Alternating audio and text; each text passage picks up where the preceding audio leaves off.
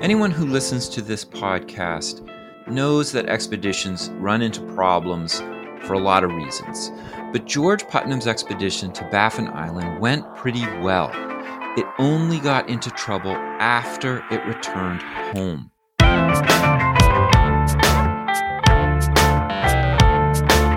It's time to eat the dogs. I'm Michael Robinson. Today, Tina Adcock talks about George Putnam and the way the controversy over his expedition tells a bigger story about Canadian sovereignty and the changing culture of exploration in the 1920s. Adcock is an assistant professor of history at Simon Fraser University. She's the author of the essay Scientist, Tourist, Sportsman, Spy Boundary Work and the Putnam Eastern Arctic Expeditions, which was published in the edited collection Made Modern Science and Technology in Canadian History, edited by Adcock and Edward Jones in Hota. Tina Adcock, thank you so much for talking with me. Well, thank you for inviting me, Michael. So, I think so many people think of Canada as this place where all of this really iconic exploration work gets done, especially in the 1800s. And yet, at the same time, I think a lot of people know very little about Canada as a place, you know, as a kind of new country in the late 1800s that has its own uh, it has its own approach to these expeditions. I was wondering if you could talk about Canada in the late 1800s and and how the government views all of this activity that's happening on its northern borders.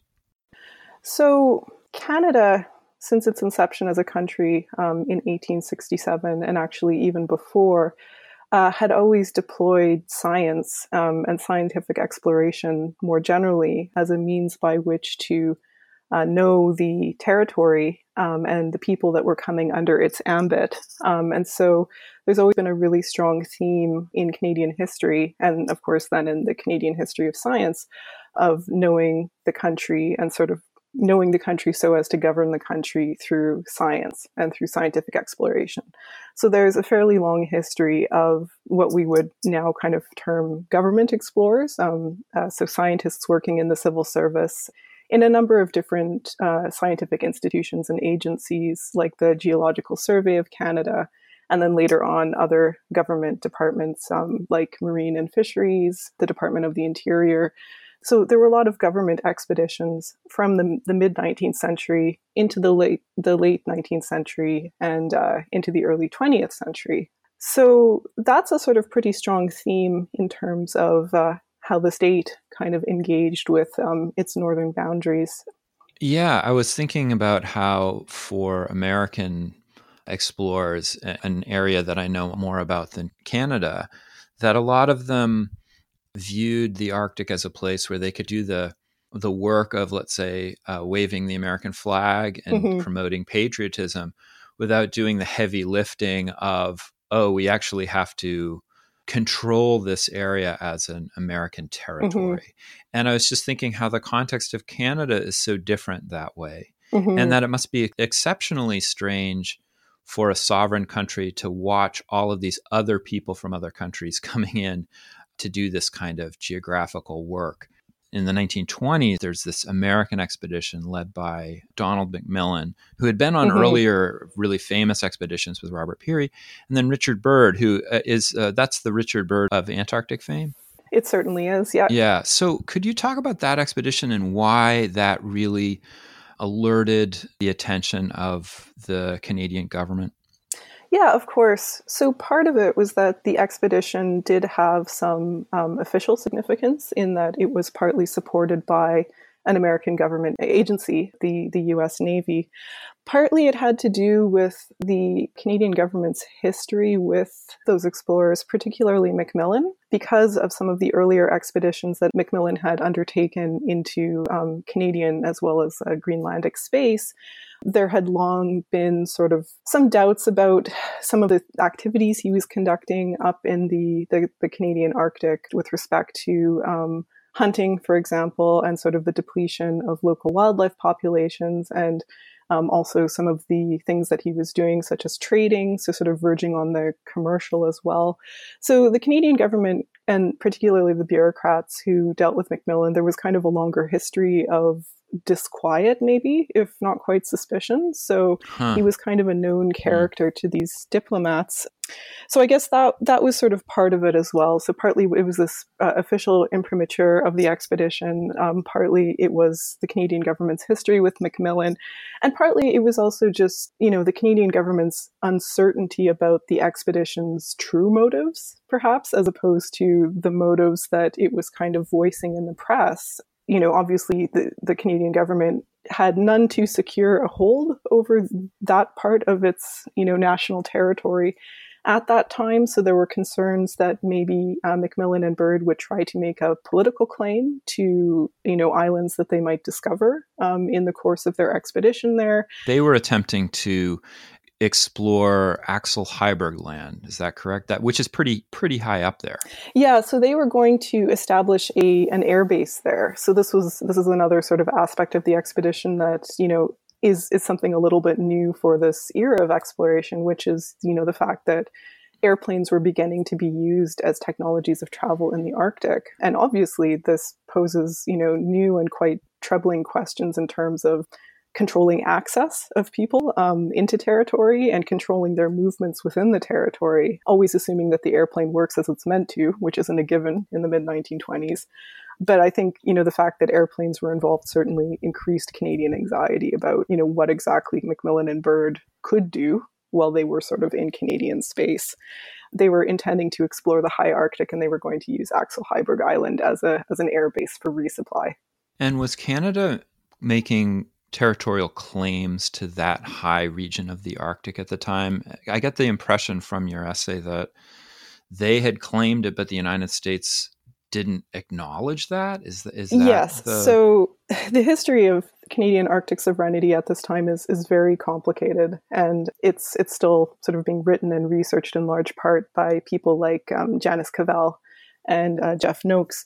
But essentially, um, to sort of boil it down, Canada had tacitly, if not sort of explicitly, um, you know, made it clear that the the high Arctic was considered part of its bound-in territories, and America was, let's say, 90% of the way there as well towards sort of agreeing with Canadian governance and authority in those territories. But there was a 10% of reserve and a sort of attitude of, well, let's just wait and see what happens with things happening on the national scene, things happening bilaterally, things happening internationally, you know, before we sort of confirm that, you know, we recognize Canadian sovereignty. So by this point, it was essentially you know, mostly recognized that this was Canadian territory, but there was just that little kernel of sort of let's wait and see among American diplomats at this time that again probably heightened Canadian anxiety about what Macmillan yeah. and Byrd were actually trying to do there. And you write that as a result of this expedition and some of the concerns in Canada about it, the Canadian government actually goes so far as to pass an ordinance. I love this. It's the Scientists and Explorers Ordinance. Yep, absolutely. Can you explain what this is? Sure. So, I mean, this was seen as a essentially a political solution to the the political problem of foreign scientists and explorers wanting to do field work in the Arctic. So, before the ordinance, essentially people could just go up there at will, um, you know, as long as they satisfied sort of Canadian customs regulations and things like that, um, and they, you know, abided by other laws having to do with wildlife conservation and sort of archaeological work and things like that. But what the Scientists and Explorers Ordinance was meant to do is to give the Canadian government a means by which to screen applicants who wanted to do that kind of work in the Northwest Territories to deny them access if need be, to kick them out if need be, if they were found to be violating the terms of the ordinance, to fine them if, again, they were violating the terms of the ordinance, but also to sort of have some access intellectually to the knowledge that they were producing. So, um, by the terms of the ordinance, any scientists or explorers working up there would have to submit a report of their findings to the Canadian government um, and a list of the specimens they'd taken, so zoological specimens and, and so on, and also a report of sort of where they'd gone. And so it was a political move, but it was also meant to kind of enhance the Canadian government's intellectual authority over a region that it had fewer and fewer resources to explore from the government end of things. And this ordinance comes into effect, especially the following year when George Putnam, an American publisher and self declared explorer, he starts planning an expedition to head north. Can you talk about his story? Yeah, so George Palmer Putnam is a really interesting character, as I found when I sort of started to do a little bit more research onto him. So he was a member of a, a wealthy East Coast family. He entered the family business, uh, GP Putnam Sons, which is a publishing mm-hmm. house based in New York that's still in existence, except now it's an imprint of Penguin. Um, so it's been around for a long time. So he was a publisher by trade, but he was also an explorer and a patron of explorers by avocation. So he was a member of the Explorers Club um, and other geographical societies, and he sort of hobnobbed with a lot of the big, big name American explorers of the, the 1920s. People like Roy Chapman Andrews and um, William Beebe and Arctic explorers as well in his autobiography, he says, you know, after some time working with explorers, you know, being around explorers, um, publishing their narratives, because this was a sort of major focus of his at his publishing house. Uh, he published exploration and travel narratives. He thought that he should undertake exploration himself. And so he got the support of the American Museum of Natural History and the, the director, George Sherwood. And he um, attracted some scientific personnel to come along on this expedition with him um, in 1926 to uh, essentially Western Greenland and then, you know, Canadian waters in between the Canadian Eastern Arctic and Greenland. Mm. So it's it's fairly clear that you know uh, Putnam wasn't a scientist himself. He, you know, he was interested in science, but he wasn't a scientific field worker per se.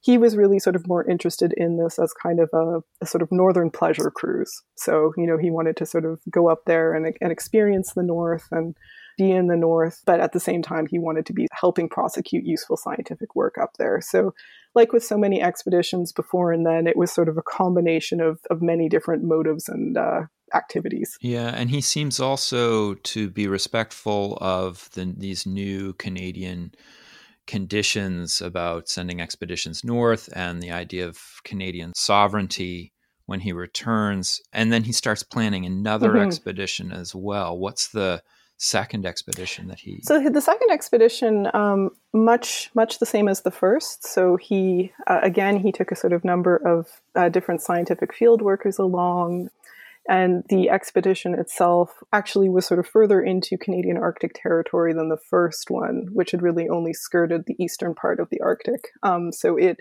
was concentrated on Foxe Basin and sort of the southwestern corner of Baffin Island. They were sort of doing field work for a number of different institutions, and so there were a number of different kind of uh, kind of disciplinary activities going on during that expedition. So there was some oceanographic work, there was some archaeological, ethnological work, and then there was also some uh, medical experiments actually as well.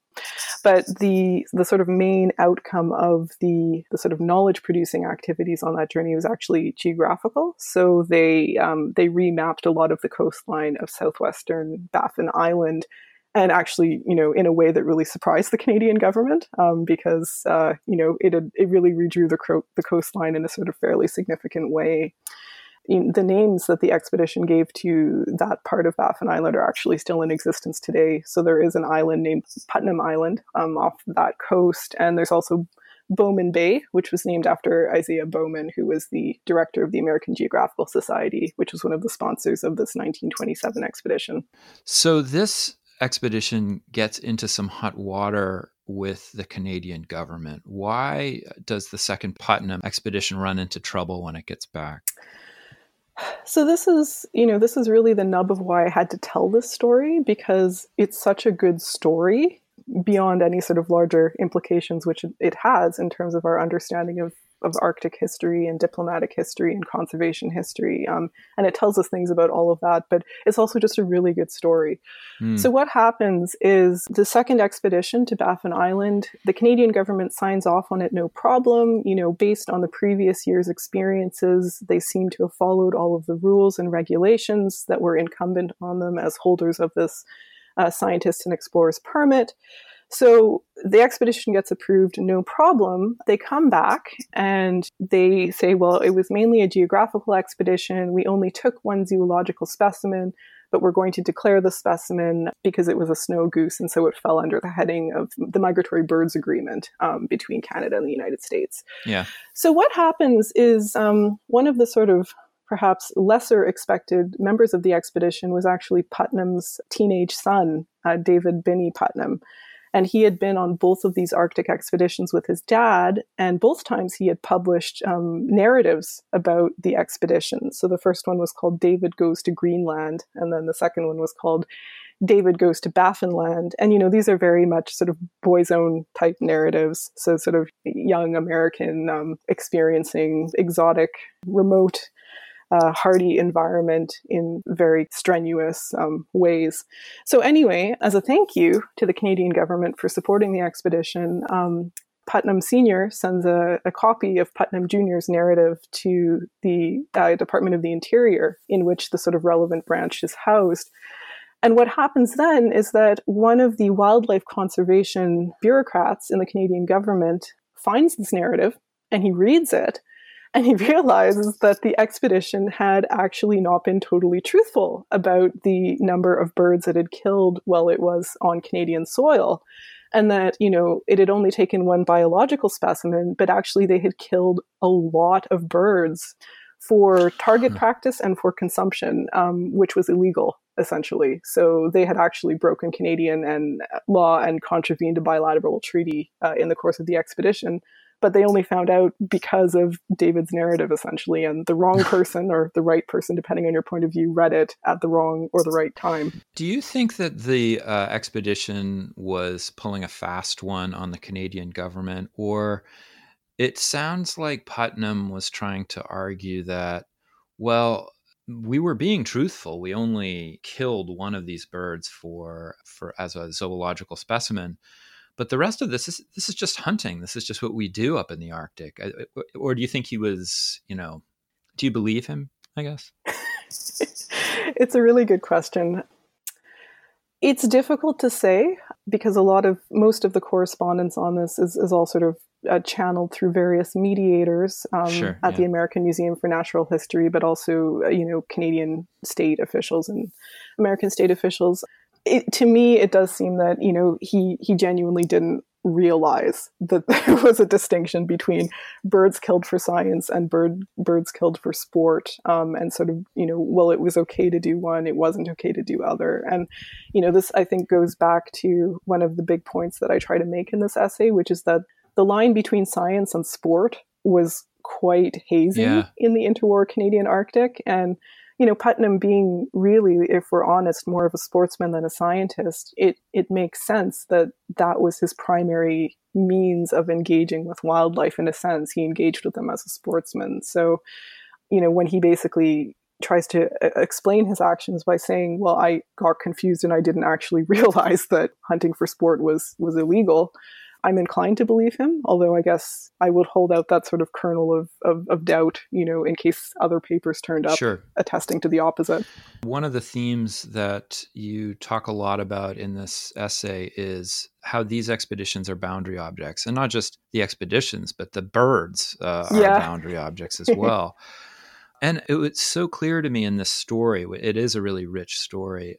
This guy in the Canadian government who reads this juvenile adventure fiction or you know literature uh, Mhm. figures out that all these birds were killed and he's like this is totally wrong. And then the explorer's like well this is what we've always done you know? So it's like this kind of moment in the environmental movement in a way you know? Like i was actually surprised that there was in the 1920s such concern about arctic birds. I had no no idea um, and it also made me think about, you know, um, I had Dani Inkpen um, on the podcast uh, probably about a year ago, and she Mhm. talked about a mountaineering expedition in uh, British Columbia.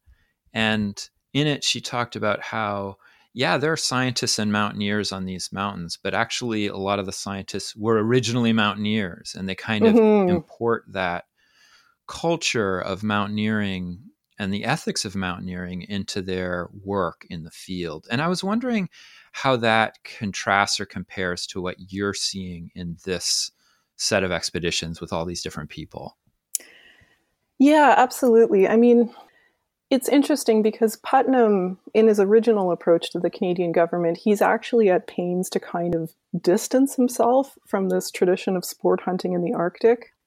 Essentially, a lot of Arctic explorers in the previous couple of decades, um, sort of both in Greenland and also in the Canadian Arctic, had um, I mean, they they'd killed wildlife pretty voraciously, essentially for for food for themselves, food for their dogs, sport, and things like that. So there was this what I'd almost call a wasteful culture, an excessive culture of sport hunting in the Arctic by American explorers. And Putnam was at pains to assure the Canadian government that he didn't want to do that. He he didn't want to kind of go and shoot a lot of animals. He actually says at one point, you know, my interest yeah. is in hunting with the camera, which of course is a very old trope, but it's it's notable that he sort of brings it up in this context. So there's a sense in which he tries to kind of distance himself from that elite American tradition of, um, you know, essentially big game hunting in exotic environments.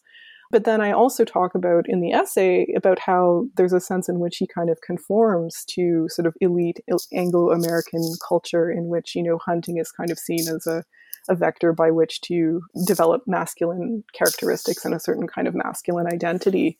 And how it was important for him on these expeditions that David, his son, could be kind of inculcated into the same identity and culture through the practices of hunting. Yeah. But, you know, Putnam Putnam, you know, he's he has a conservationist ethos, right? So it's about appropriate levels of hunting. So, you know, not kind of wasteful, excessive levels of hunting, but a moderate level of hunting that allows himself to kind of demonstrate, you know, gentlemanly attributes and for his son to kind of pick up these kind of, you know, codes of honorable hunting and fair sport and fair play and things like that. So, as I sort of say in the, the article, you know, Putnam and the Canadian government officials, they're both aligned in the sense that they are both elite conservationists who believe in the wise use of natural resources, but where they kind of differ is on the nature of consumption and like what constitutes appropriate consumption of birds.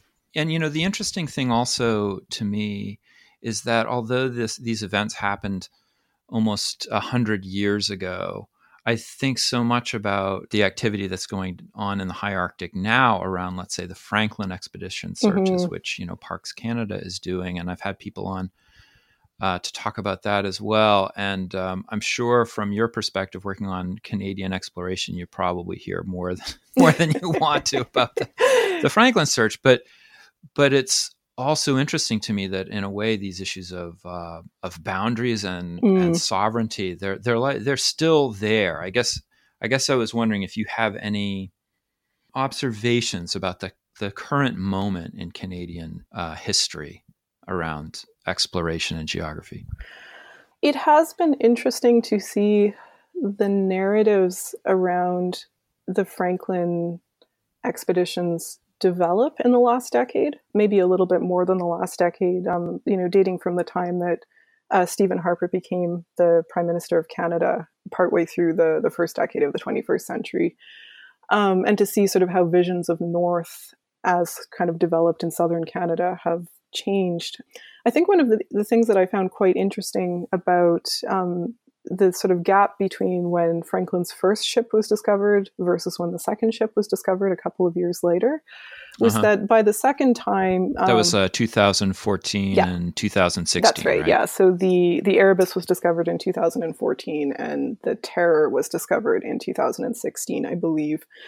And I I was sort of hooked onto Twitter quite and following the discussions quite avidly both times. And what was interesting to me the second time was just there seemed to be a much wider awareness of Inuit sort of contributions to the search and the contributions that kind of Inuit yeah. geographical knowledge had made more generally to sort of the location of the ship, but also kind of to more general geographical knowledge of the area. You know, so it, it, it almost became a kind of trope. Well, you know, the Inuit knew where it was all along. It's just that we weren't listening to them, you know, we being sort of white Southerners. So yeah.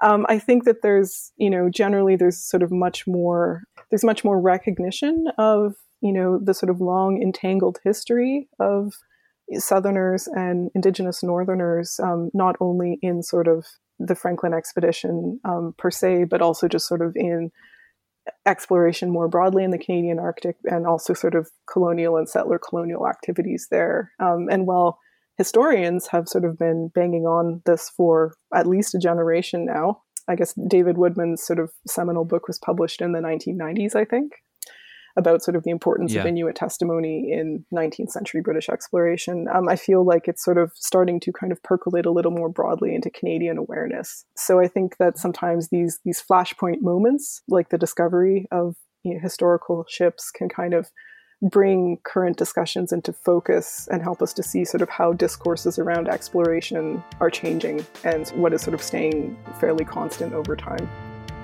Tina Adcock, thank you so much for talking with me. Oh, thanks for having me, Michael. I really enjoyed it. That's it for today. The music was composed by Zabrat. Make sure you check out the Time to Eat the Dog's website podcast links and other exploration related stuff. And if you get the chance, please take a minute to rate and review the show wherever you get your podcasts. It really helps make the show visible to new listeners.